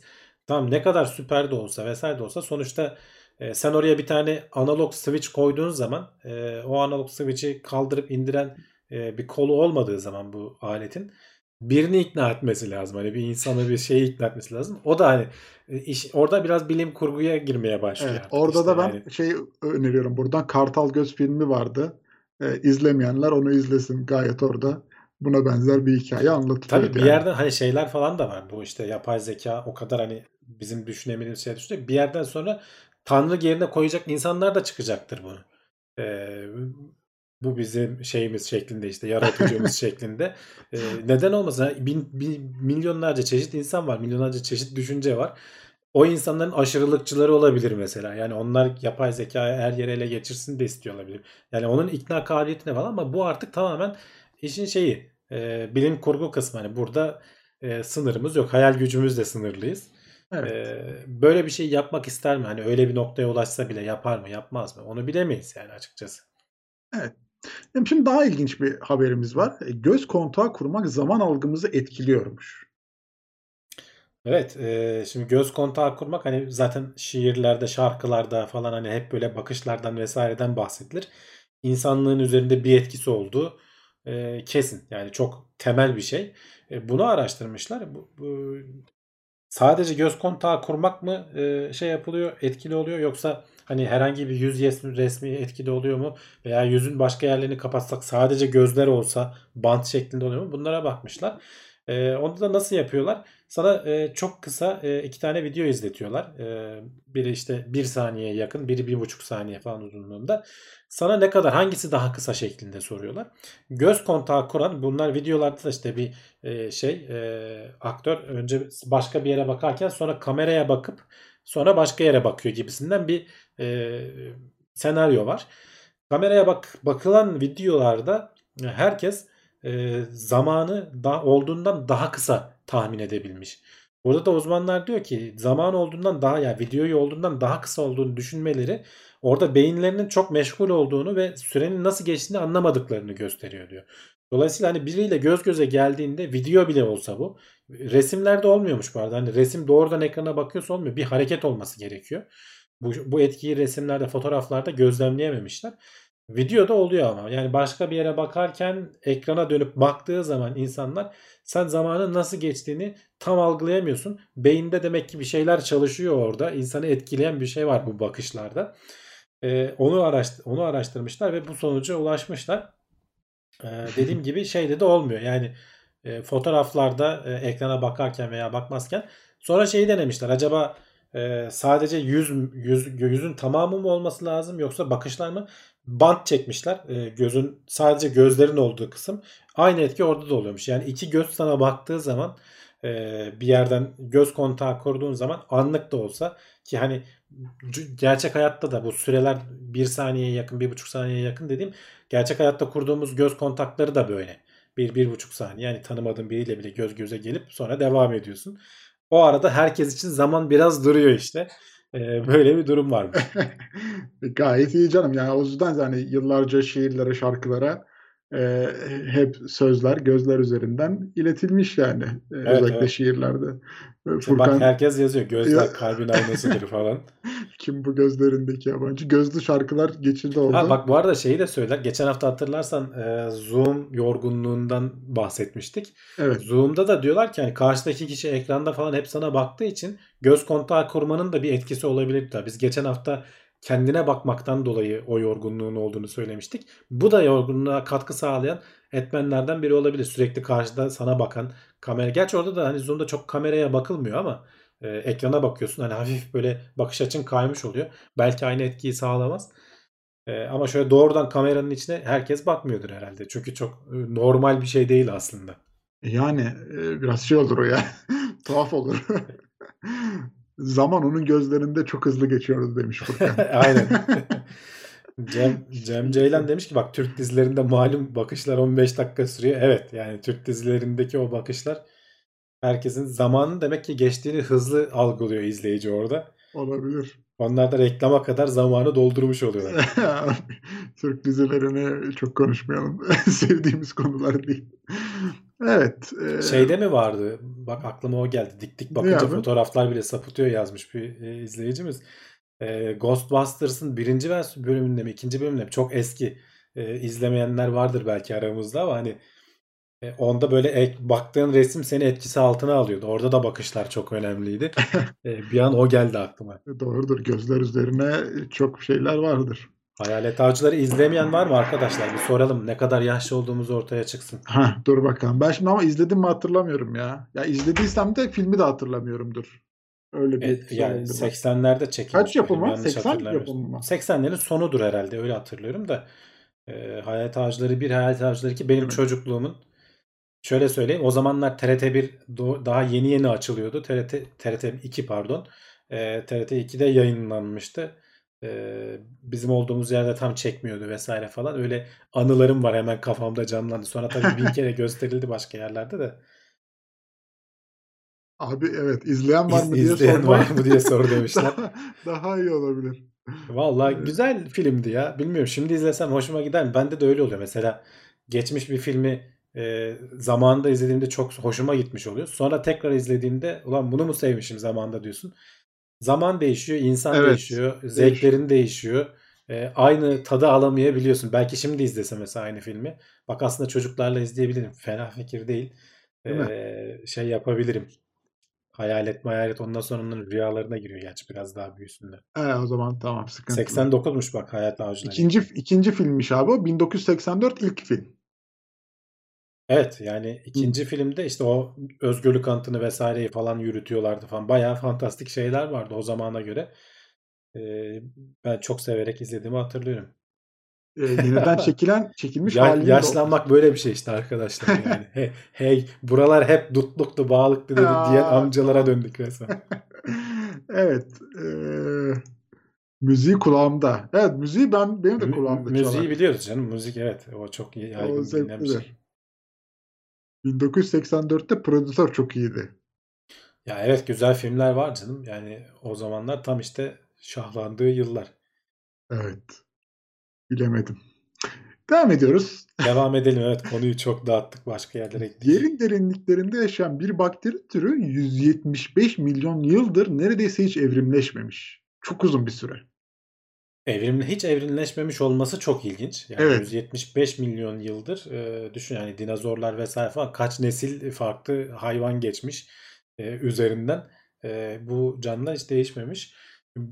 İlginç aslında hani beklemiyorlar bilim insanları da bunu. Şimdi bu yerin yaklaşık 3 kilometre altında Afrika'daki altın madenlerinde böyle kayaların arasında biriken sularda buluyorlar bu bakteriyi ve e, fotosentez vesaire falan kullanmıyor. Kemosentez dedikleri yani kimyasal yollarla enerjisini üretiyor. Hiç ışık mışık görmüyorlar. E, besinlerini kendileri üretiyorlar. Etrafta besin vesaire falan diyor. Kendileri de nasıl üretiyorlar? E, orada işte derinliklerdeki radyoaktif bozunumlarda işte uranyum, plütonyum, toryum falan standart yani dünyanın içinde olan malzemelerin bozulmasından elde ettikleri enerjiyle hayatlarını devam ettiriyorlar.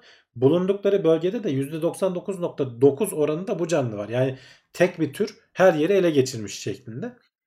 Ee, burada şeye bakıyorlar tabii hani bu kadar böyle izole oldukları için başka yerlerde de acaba bu bakteriden var mıdır diye işte Sibirya'daki bir madenden örnek alıyorlar. Kaliforniya'daki bir madenden örnek alıyorlar ve bunları farklı farklı laboratuvarlara gönderip genetik test yapıyorlar. Bekledikleri sonuç da bu Darwin'in ispinozları gibi belki hani evrimle ilgilenen izleyicilerimiz biliyorlardır. Farklı küçük birbirlerine yakın ama izole adalarda bu ispinozların o kuşların farklı farklı versiyonlarını buluyor Darwin. Ve oradan işte adalarda bulunan e, ağaçlarla falan etkileşimlerine bakarak o gaga yapılarını falan inceleyerek ha bu kuşlar kuşlar niye değişmiş?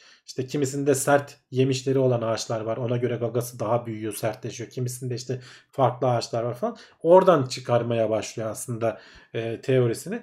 Burada da ona benzer bir sonuç. Birbirinden izole e, canlılar e, farklı farklı kıtalarda, 3 kıtadan örnek toplamışlar. Bunların evrimine bakarız çok güzel sonuçlar elde ederiz diye bakıyorlar. Ama ve birbirlerine karışmasınlar diye de hakikaten laboratuvarları falan ayrıştırıyorlar ama çıkan sonuçlar şaşırıyorlar. Yani neredeyse hiç evrimleşmemiş e, canlılar. 175 milyon yıl çok uzun bir yıl. Ki hani e, canlılarda evrimleşmenin belli hızlarda olduğunu öngören dolayısıyla geçmiş tarihlemelerde kullandığımız hani e, bazı teknikler var. Hani biriken mutasyona göre işte atıyorum 70 milyon yıl önce yaşamış bu canlı diyebildiğimiz durumlar oluyor. Şimdi bunların hepsini tekrar gözden geçirmek lazım. Çünkü bazı canlılar çok hızlı mutasyon geçirirken sürekli genlerine yeni özellikler katarken bu canlı hiç yani resmen evrim uykusuna yatmış yani kış uykusu gibi. Hayvan durmuş yani orada kendini e, kitlemiş. Bunun için nasıl mekanizmaları olduğuna falan bakıyorlar. Bakacaklar. E, bu arada hayvan dedim ama bakteri yani o da yanlış anlaşılmasın.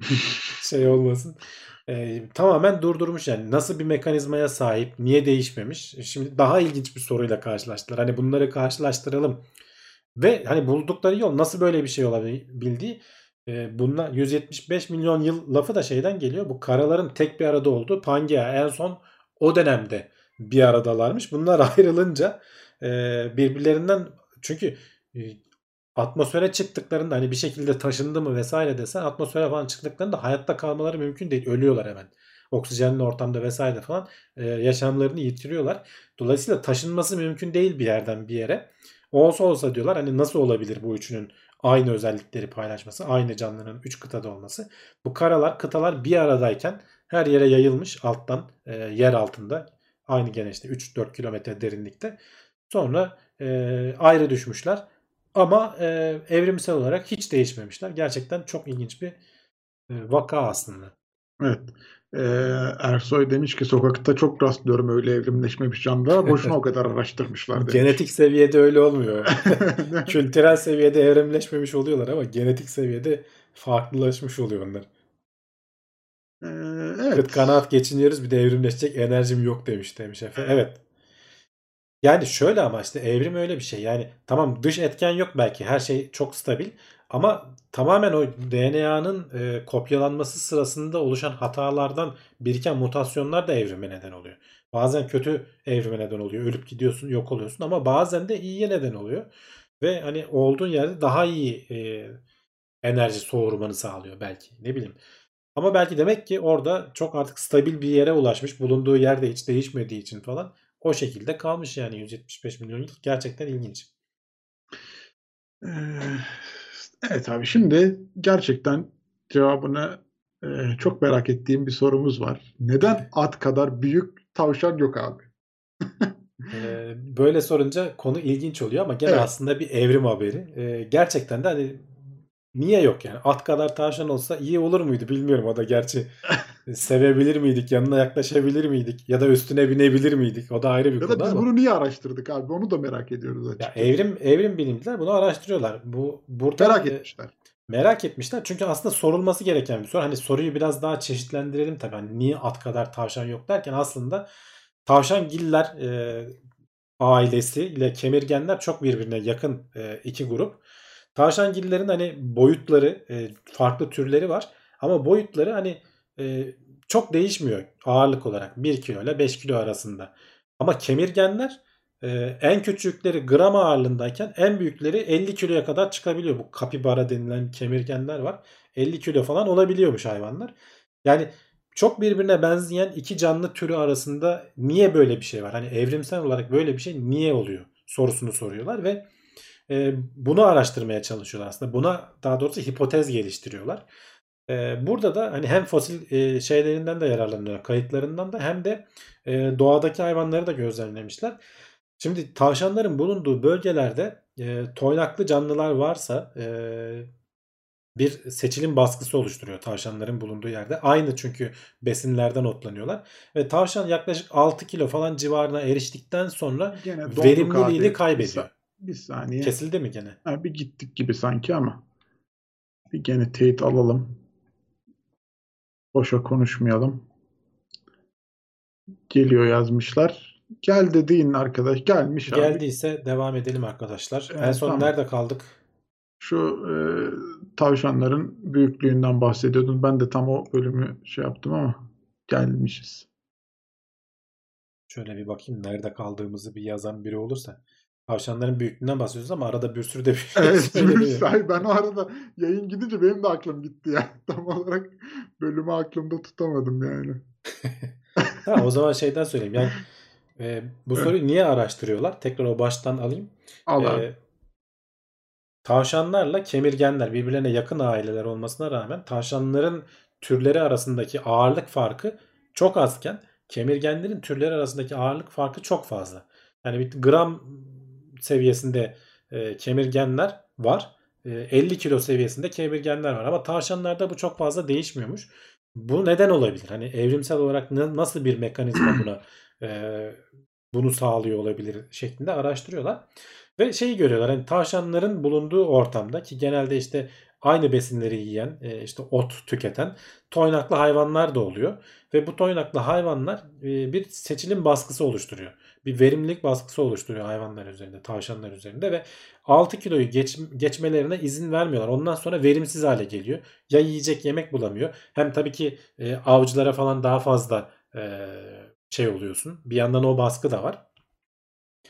E, bunu araştırmışlar ve fosil kayıtlarına da baktıklarında e, tarihlemelere de baktıklarında tavşanların ağırlığının ortamda başka bir toynaklı hayvanın bulunup bulunmamasına göre artıp azaldığını görmüşler ve bu açıklamayı yapıyorlar. E, bu hayvanların e, boyutlarıyla ilgili e, farklı teoriler var. Red Queen dedikleri bu Alice Harikalar Diyarında'dan geliyor galiba. E, Red Queen hipotezi var. Bu hipotezde diyor ki e, can şey gibi silah ya, silahlanma yarışı gibi. Sen daha hızlı koşmaya başlıyorsun tavşan olarak. Seni yakalayacak tilki de daha hızlı koşmak zorunda kalıyor. Sen başka bir teknik geliştiriyorsun. Tilki de ona adapte sağlıyor. Böylece karşılıklı sürekli bir e, baskıyla birbirlerini besleyen bir süreç var. E, bir de court denilen bir hipotez var. Onlar da e, böyle biyolojik e, seçilim baskılarından ziyade iklim gibi e, abiyotik deniyor bunlara. E, başka tür e, mekanizmaların daha ağırlıkta olduğunu söylüyor ama bu az önce anlattığım hikayeden görüldüğü üzere sanki bu Red Queen dediğim ilk başta işte bu silahlanma yarışı baskısı daha fazla gibi. En azından tavşanlar üzerinde. Bu yüzden hani toynaklı hayvanlar daha verimli olduğu için belki hareket ederlerken o toynaklar e, çünkü sürtünmeyi vesaireyi falan azaltıp e, koşma hızını arttırıyorlar. Çok ani e, dönmeleri falan sağlıyor senin. E, peşindeki yırtıcıdan falan kurtulmanı sağlıyor. Bu o hayvanların daha verimli olması tavşanlar üzerinde baskı yaratıyor şeklinde bir hipotez var. Bu yüzden at kadar tavşan yok. Kısacası baştaki soruya dönersek. Evet, belki ideal boyutlarındadırlar demiş arkadaş. Olabilir. Evet zaten hani belki ideal boyutlarındadırlar dedin. Evet bulundukları ortama göre ideal boyutlarında oldukları kesin. Yoksa zaten soyları tükeniyor veya işte baskılanıyorlar. Evrim zaten bunu sağlıyor. Ortam değişirse ama ortamdaki mesela şey giderse bir ada olsa mesela hani orada şey kalsa mahsur kalsa ve o adada hiç toynaklı bir hayvan olmasa ya da belki avcı baskısı falan da olmasa tepesinde belki 15 kilo 50 kilo tavşan da görürdük. Ama öyle bir şans olmamış. E, kapibaralar ama işte ilginç bir şekilde onlar artık neyle besleniyor? O kemirgenler herhalde ağaçları kabuğunu falan mı daha iyi yiyorlar ne yapıyorlarsa. Olabilir. Onlarda o toynaklı hayvanların baskısı görülmüyor demek ki. Ee, Furkan demişken zıplıyor. Kemik dayanımı nasıl olacak ki demiş o kadar büyük olsa. E, atlarda da var ama ya at da zıplıyor bayağı. Atta biraz evet yani yani at, şey yaptığı zaman tavşanın tam yapısı belki daha verimsiz ama e, atın da hani o bütün o vücut ağırlığını e, incecik ayakları taşıyor yani ve taşıyor aslında. Tavşanların üreme hızını düşünsek yeter bence demiş Emrullah. evet, evet o biraz hızlı. kesinlikle. Biraz hızlı olabilirmiş. Tehlikeli. Ee, evet haberlerimiz bitti. Bu hafta şimdi kulis bölümümüz var. Oraya geçeceğiz. Böyle güzel soruları cevaplarız, muhabbet, sohbet ederiz. Ee, bir yere ayrılmayın. Hemen araya bir sponsor videomuzu verelim. Ondan sonra tekrar buradayız. Evet soruları alalım arkadaşlar. Zıplamasıyla alakalı kanguru da zıplıyor demişler. Aynen. Ama tavşan Evet, evet. böyle sanki baya büyük olursa bir sıkıntı olabilir ya. Ve Tabii insan tavşan- rahatsız oluyor. Rahatsız olurdum herhalde o kadar büyük tavşandan sanırım. Yani alışmadığın için olabilir. Belki Evet. at, attan mesela rahatsız olmuyorsun. Ee, o da büyük kocaman bir hayvan ya da fil. Gerçi hani yanına gelse tabii ki rahatsız olursun. Koca fil o ayrı konu da. Ee, üstüne biniyor sonuçta hani yerler. Muhtemelen tavşanların da üstüne biner gezerdik o kadar büyük tavşanlar olsa. Hoplaya zıplaya giderdik yani.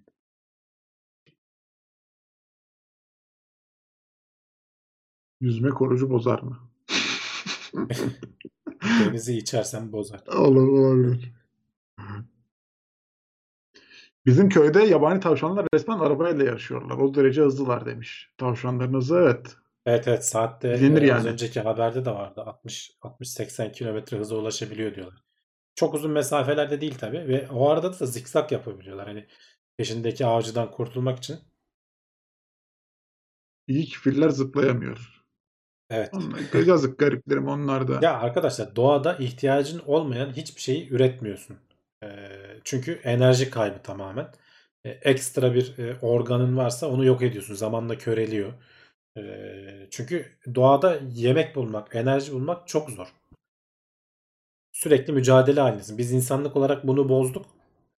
Artık hani ihtiyacımızdan daha fazlasını üretip yiyebilir hale geldik. O yüzden böyle o da ayrıca sağlığımızı etkiliyor. Kilo al, göbekleniyoruz, kilo alıyoruz falan filan ama canlılar öyle değil yani. Bulabildiklerini yiyorlar. Sonra aslanlar mesela hayvan bir avlanıyor. Ondan sonra 3 gün yatıyor. Yerinden de hareket etmiyor. Evet. Ha, aklımda da şeyi soracağım abi. Senin Twitter işin ne oldu ya? Olmadı hala. evet. Onu ben sanki açılmadığını gördüm de. Twitter Twitter aklıma yalan geldi. oldu. Kapattılar hani cevap da yok. Yani başka hesap açıyorum hemen tespit ediyorlar bir daha. Ee, sen bununla bağlısın seni kapattık biz diye. Ulan ne yapacağım anlamadım yani. Sebebini de bilmiyorum. Ya kapa kapattılar adamlar. Cevap da yazmadılar değil mi? Ya cevap mevap yok ya. Yani bir şey yok. İleteceğin bir mecra, me- şey yok ki. Yer yok. For- şey doldur, form doldur diyorlar. Onu da dolduruyorsun cevap vermiyorlar. Şeye patladı o. Ee, benim o Twitter hesabıma TeknoSeyir'e Twitter'la login olma şeyi bağlıydı. Benim orada uygulamalarım vardı. Onlar da gitti. Şimdi kimse Twitter'a da login de olamıyor TeknoSeyir'e. Saçma sapan bir durum yani. Ha öyle sen oraya bağlıydı. Tabii, tabii, şimdi sen- girerken Twitter'la login olabilmek istesek Tabii olamıyoruz. hani Twitter'la login olmak için bastığında Evet. TeknoSeyir uygulaması senden izin istiyor diyor ya. O TeknoSeyir uygulaması benim hesabıma bağlıydı. Ben kendi Oo. hesabımdan açmıştım. Çok kötü olmuş ya. E, e, saçma sapan bir şey oldu. Anlamadım Acaba zaten. belki yani. o uygulama falan mı tetikledi? Ha olabilir ama o uygulamada hani kötüye kullanılacak bir şey değil ki. Biri acaba şikayet mi etti? Ee, Olabilir. senelerdir çalışıyor ya o Ya uygulama işte 3 Hani açık vardı siz güncellemediniz. Ondan sonra niye Yok gün- öyle bir şey değil ya. Öyle bir İşte. Mekanizma yok yani. Ama kimse de şikayet ediyor. Demek ki kimse Twitter'la login olmuyor. Yok eden oldu. Çalışmıyor dediler. Ee, onlara Ha. açıklama yaptım TeknoSeyir'den. E, Burada da varsa hani Twitter'ı kullanan normal login olsun. Şifresini falan bilmiyorsa şifremi ya unuttum da adam desin. işte giremediği için şey de yapamamıştır. şikayet de Yok şifremi unuttum diyecek. Ee, Ha. ya da şeyden iletişim formundan bize yazacak. Ee, eğer hani çünkü e-posta da olmayabiliyor bazen Twitter'la girince hesabına bağlı e-postası olmuyor. Onu artık elle e-posta atayacağız. Yani adamlar cevap vermiyor, ulaşamıyorsun yani yapacağım bir şey yok. Çözüm üretemiyorum. Amerikan başkanını engelliyorlar. Teknoseyir'den Hamdi'yi umursarlar mı? Amerikan başkanı suç işledi ama bazı Ya Amerikan başkanı hadi kötü niyetli bir şeyler yazıyordu, manipülasyon yapıyordu. Ya ben hiç Hamdi abi ne yazmış ya? hiçbir şey ya ben Perseverance falan paylaşıyordum yani Adam hani. ISS'i beğeniyordu. Fotoğraf paylaşıyordu. yani o kadar. bize Bir de bizim teknoloji bilim notlarını yazıyordum oradan. orada. Her gün, her hafta. Buradayız, buradayız O diye. kadar. Ondan sonra böyle yapıyorlar ya. Kızdırıyorlar. Ya mesela hani API falan çok fazla request gittiyse fraud değerlendirmişler. Ya bana söylesinler desinler ki sende böyle bir şey var. O çok sıkıntı Güzel. Twitter'da. Ya adam hiç kapattı. Cevap da vermiyor. Yani çok sıkıntı. Muhatap kapatsa ona da anlayacağım. Hani 3 gün sonra dönseler sizde şöyle bir şey tespit ettik falan. Hani benim mailime cevap verseler yok. Yeni mailler atıyorum. Ha, daha önce attığın maille daha önce atmışsın. Bunu da ona ekledik. Sırası gelince bakacağız diyorlar. Biraz zaman alabilir diyorlar. Ulan yani 3 hafta oldu hiç ses yok. Ne kadar o kadar sürmez ya. Türkiye'ye Vallahi temsilci aile- falan atadılar. Belki ilgilenirler demiş. Yok Adam o temsilci de o adam yurt dışında Amerika'da yurt adam. dışında evet şirket kurmuşlar. Sahibi yurt dışında Amerika'da yani. Orada. Yok temsilcilik falan bir şey değil yani. Sistemleri düzgün çalışmıyor. Yani bir şikayet sistemi kurmuşlar. Neyse yapacak bir şey yok yani. Şu an için başka hesap açınca da dediğim gibi hani takip ettiklerimi bari takip edeyim. Başka hesap açtım. Oradan da birini yakaladı sonra ba- bambaşka bir hesap açtım ben de artık hiç alakası olmayan. Başka bilgisayardan falan belki de. Aynen aynen. IP'yi falan bir Şimdi şey oradan yapıyorlar. tekrar eski listemi yavaş yavaş bulup takip etmeler vesaireler. Kim ne yazmış falan onları şey yapıyorum. Ama tadı kaçtı ya yani. Hmm. Kripto para kaptırmadınız değil mi? Herhalde Yok buradan kripto para kaptırmadım. Yani çıkabilir yani insanlık hali. Çünkü sonuçta borsada sık oynamak için tutuyorsan onu her zaman uyarıyorlardı. Herkes söylüyor bu işi yani aklı başında yapan. Borsada sık oyun oynuyorsan orada parayı tutuyorsan borsa her an kapanabilir, hacklenebilir. Geçmişte yaşandı bu. Dünya çapında örnekleri oldu. Türkiye'de de yaşandı şimdi. Dolayısıyla hani çok sık oynamıyorsan e, kendi cüzdanına çekeceksin. İşte o soğuk cüzdan falan diyorlar. Gerekirse kağıt cüzdanlar var. Hani para vermek istemiyorsan. Kağıt cüzdana çek. E, O kağıt sende durduğu sürece hiçbir şey olmaz. E, Borsada tutmayacaksın. Hele hele ki ne olduğu pek belli olmayan hani dünya çapında olmayan ama onların bak dünya çapında olan büyük borsaların da riski var. İlk bu borsalar Mt. Gox vardı biz TeknoSeyir'de konuştuğumuzu hatırlıyorum. Bir sürü insanın parası gitti orada. da. Bir hacklendi adamlar. Oluyor yani böyle şeyler olabilir. Dağıtık sistem olduğu için hani Bitcoin'de şöyle bir şey var. Parayı yanlış hesaba göndersen geri de alamıyorsun. Hani tarihin Muhakkak çöplüğüne karışıyor yani. Yanlış bir yere göndersen öyle bir mekanizma yok. O yüzden hani çalındı mı gitti gider. Geri dönmesi mümkün değil. Yani ama mesela şimdi şu an en büyük Binance sanırım. Hani onun başına bir şey gelse Ya gelebilir hani Gelebilir de işte. Binance Gelse çok sıkıntı olur. biri ama bir sürü çok fazla borsa var. Şimdi Türkiye'de de şimdi batanları görüyoruz. Benim adını sanını duymadım. Kim buralara para yatırmış yani.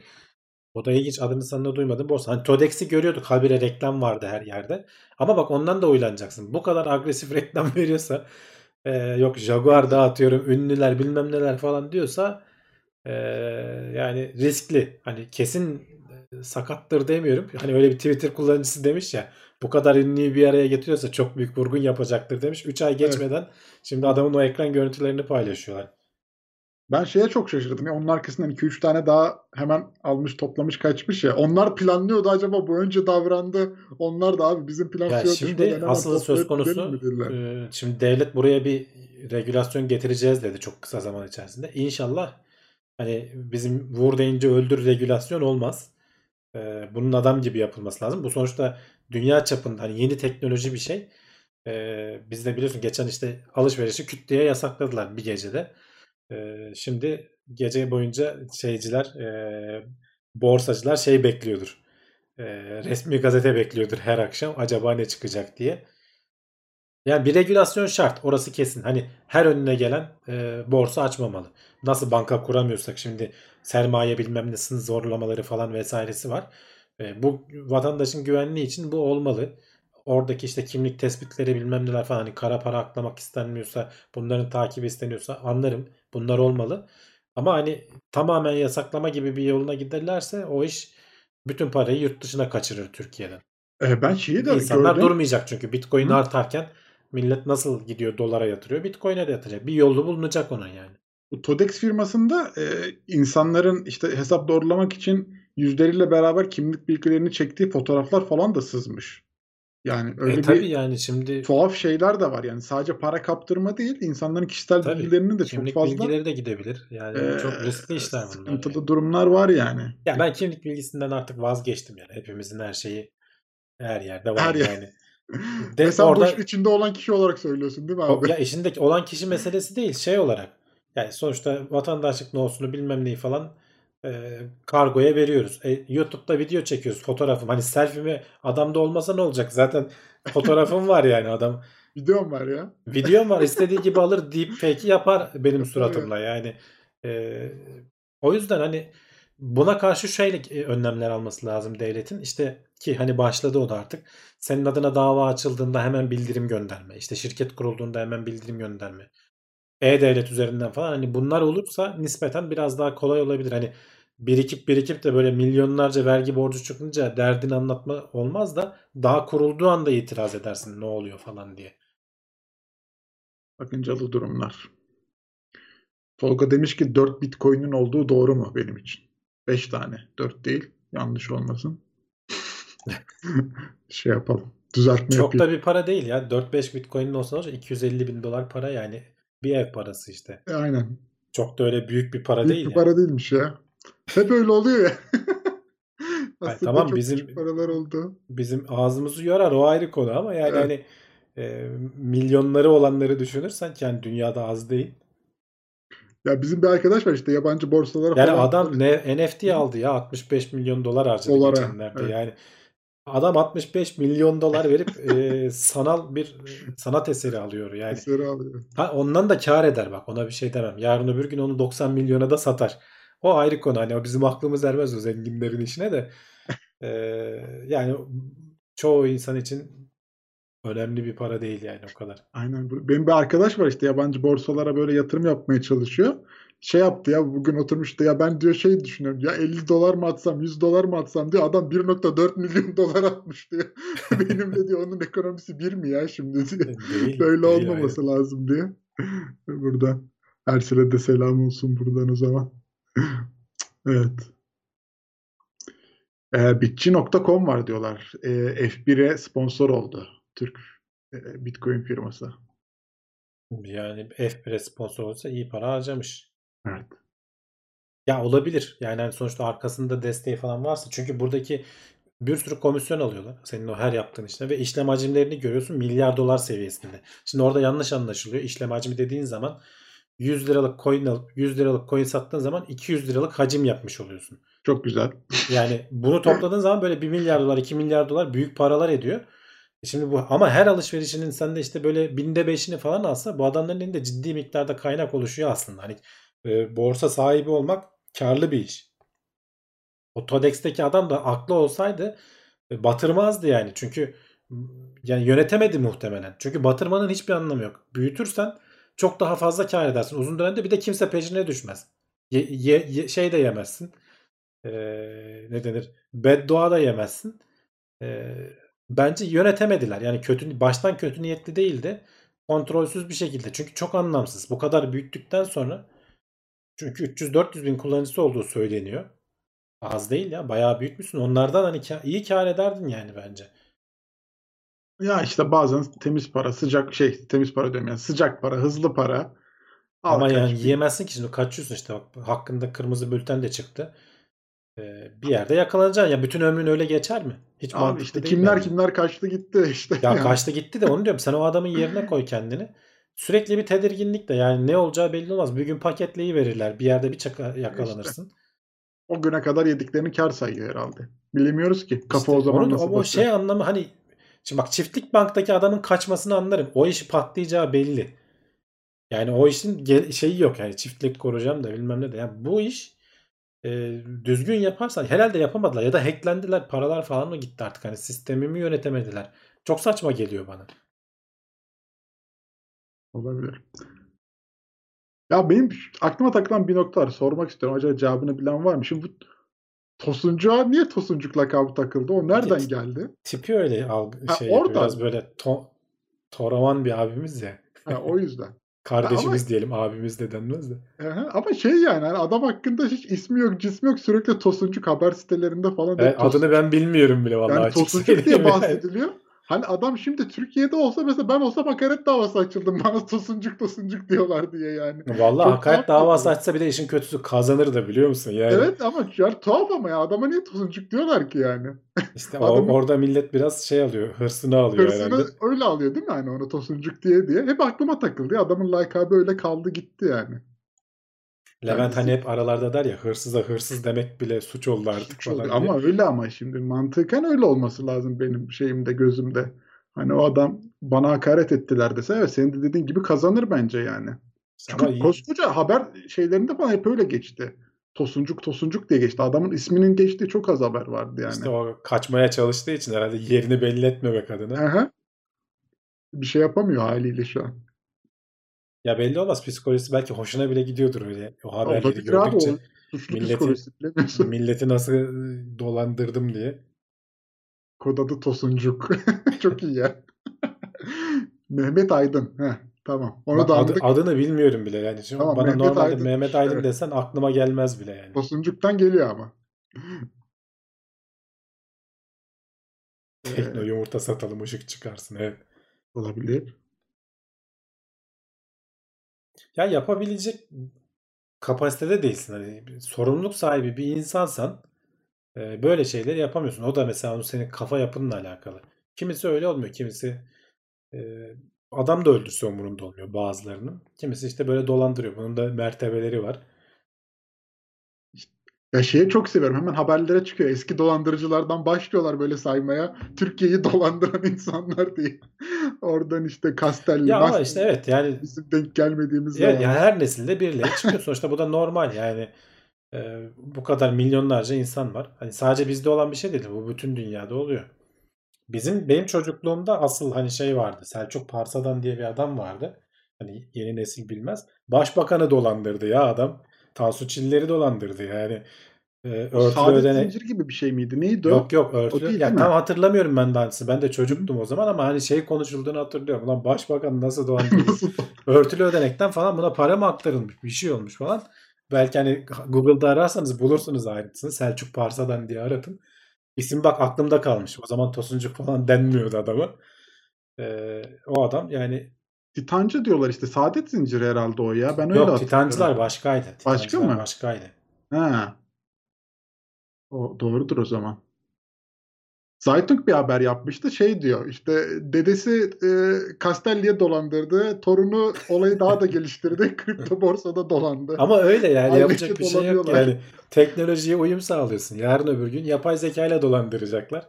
Bizim çocukları bir sonraki nesil. Sonuçta kötü niyetli insan her dönem çıkıyor. Yapacak bir şey yok. Titan vardı. Evet yani Titan saadet zinciri yani.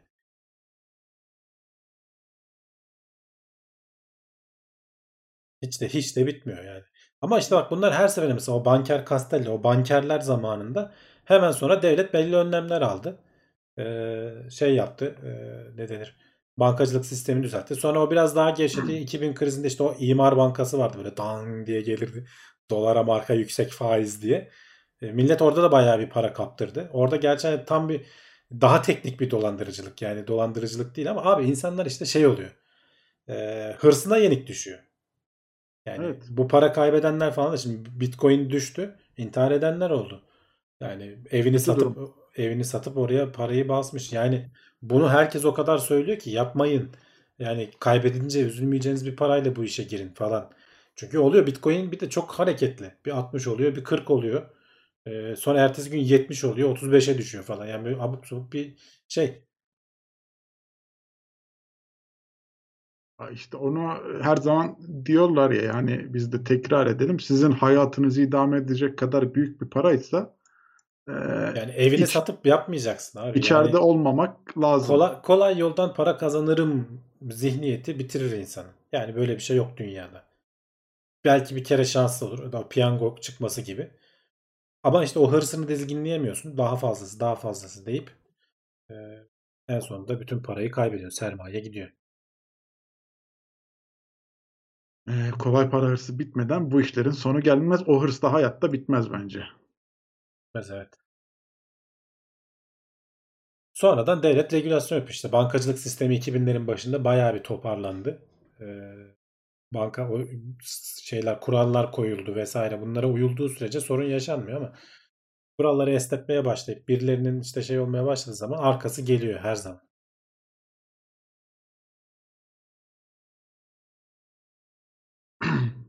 Senin aydaki arsaya çok fazla talip var abi. Onu bir ara satalım. Satalım varsa alıcısı varsa satarım bak hiç. Tapusu burada. Aynen. Fotokopiyle çoğaltıp satmayı düşünen Çoğaltmaya arkadaşlar da var. gerek yok ya. Ben birebir de satarım. Aydaki arsa ucuza gitmeyecek tabii. Yani Değil mi? Tabii yani bu ayda sonuçta Koca koca bir dönüm arsa yani. Oraya neler yaparsın? Aydaki bir dönüm arsayla Türkiye'den birkaç daire alabilecek kadar bir paraya gider diye düşünüyorum. ben. o bak fiyatı belirledi. Ya, yava- ya- evet, ama birkaç daire hangi daire? Orada Ha. öyle bir ayrıntı var. Tabii. Alıcısı varsa arkadaşlar bana yazın özelden. Hamdi et teknoseyir mail gönderebilirsiniz. Başka ülkelerde oluyor mu acaba böyle dolandırıcılık faaliyetleri? Bizim, oluyordur oluyordur. bizim kulağımıza gelmeyen. Olmama şansı yok. Ben hani görmedim ama zaten hani işte şey oldu. Japonya'daydı işte o Mount, Mount Gox dedikleri şey. İlk Bitcoin'in büyük vurgunu 2013 müydü? 2014 müydü? Bir anda işte kapattı gitti adamlar. Aynen hiç kimse de bir şey yapamadı. Ee, Dava mava vesaire falan bir şeyler olmuştur o adamlara ama parası giden gitti yani geri gelmedi. Evet.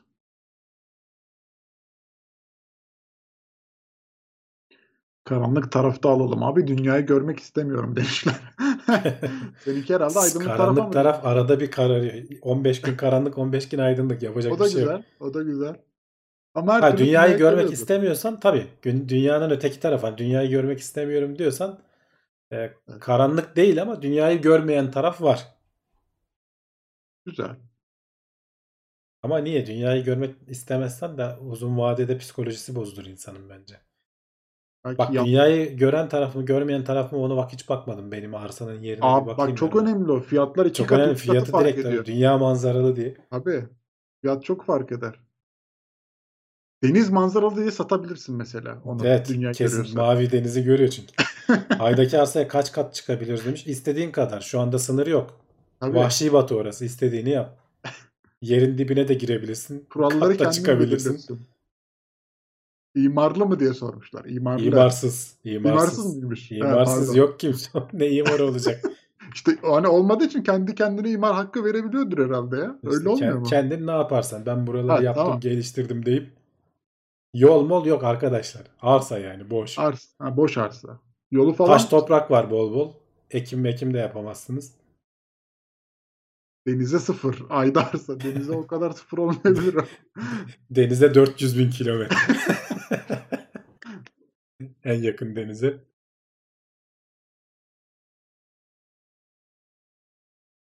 Evet varsa başka soru alalım arkadaşlar. Yavaştan kapatacağız artık. Ee, Aydan Lebi Derya yatırımlık arsa. Evet. Bak başlıklar gelmeye başladı satış için. İlanı açalım artık. Kendi ülkeni kur Hamdistan. ya Hamdistan. Öyle Nüf- Nüfus 1. bir Hadi aileyi de götürsek 4. olur yeter. Daha var ya oralarda yaşanmasına vesaire ama şu SpaceX'ten umutluyuz. Hani Mars için zor da Ay için e, o geçen hafta konuştuğumuz modülü yapabilirlerse e, baya baya oraya gidip gelmek kolay olacak. Kocaman bir şey çünkü o Starship devasa bir şey. Bir sürü bir şey de taşınabilecek. E, hakikaten oraya üst kurulabilir o zaman. Belki ufak ufak turistik faaliyet bile başlar bizim ömrümüz içinde. Evet arkadaşlar, eee Samir Bayramov yazmış. Beğeni butonuna tıklayalım. Son olarak biz de hatırlatmış olalım. Yavaş yavaş da kapatalım. Haftaya gene buradayız. Gene Aynen. haberlerle karşınızda oluruz. Ee, Söyleyeceğim bir şey var mı Volkan? Yok abi ben gene geçen haftalardan baya zevkli oluyordu. Buradan Twitch yayınına geçiyorum. Gelip katılıp e, biraz da orada benim oyun oynarken izlemek isteyenler varsa beklerim diyeyim. Link, linkini paylaşır Volkan. Linkini de atarım ben chat'e. Bir Oyuna sonraki- devam. Evet. Orada buluşuruz. Gelmek isteyen varsa. O zaman benden bu kadar. Görüşmek üzere diyorum herkese. Haftaya görüşürüz.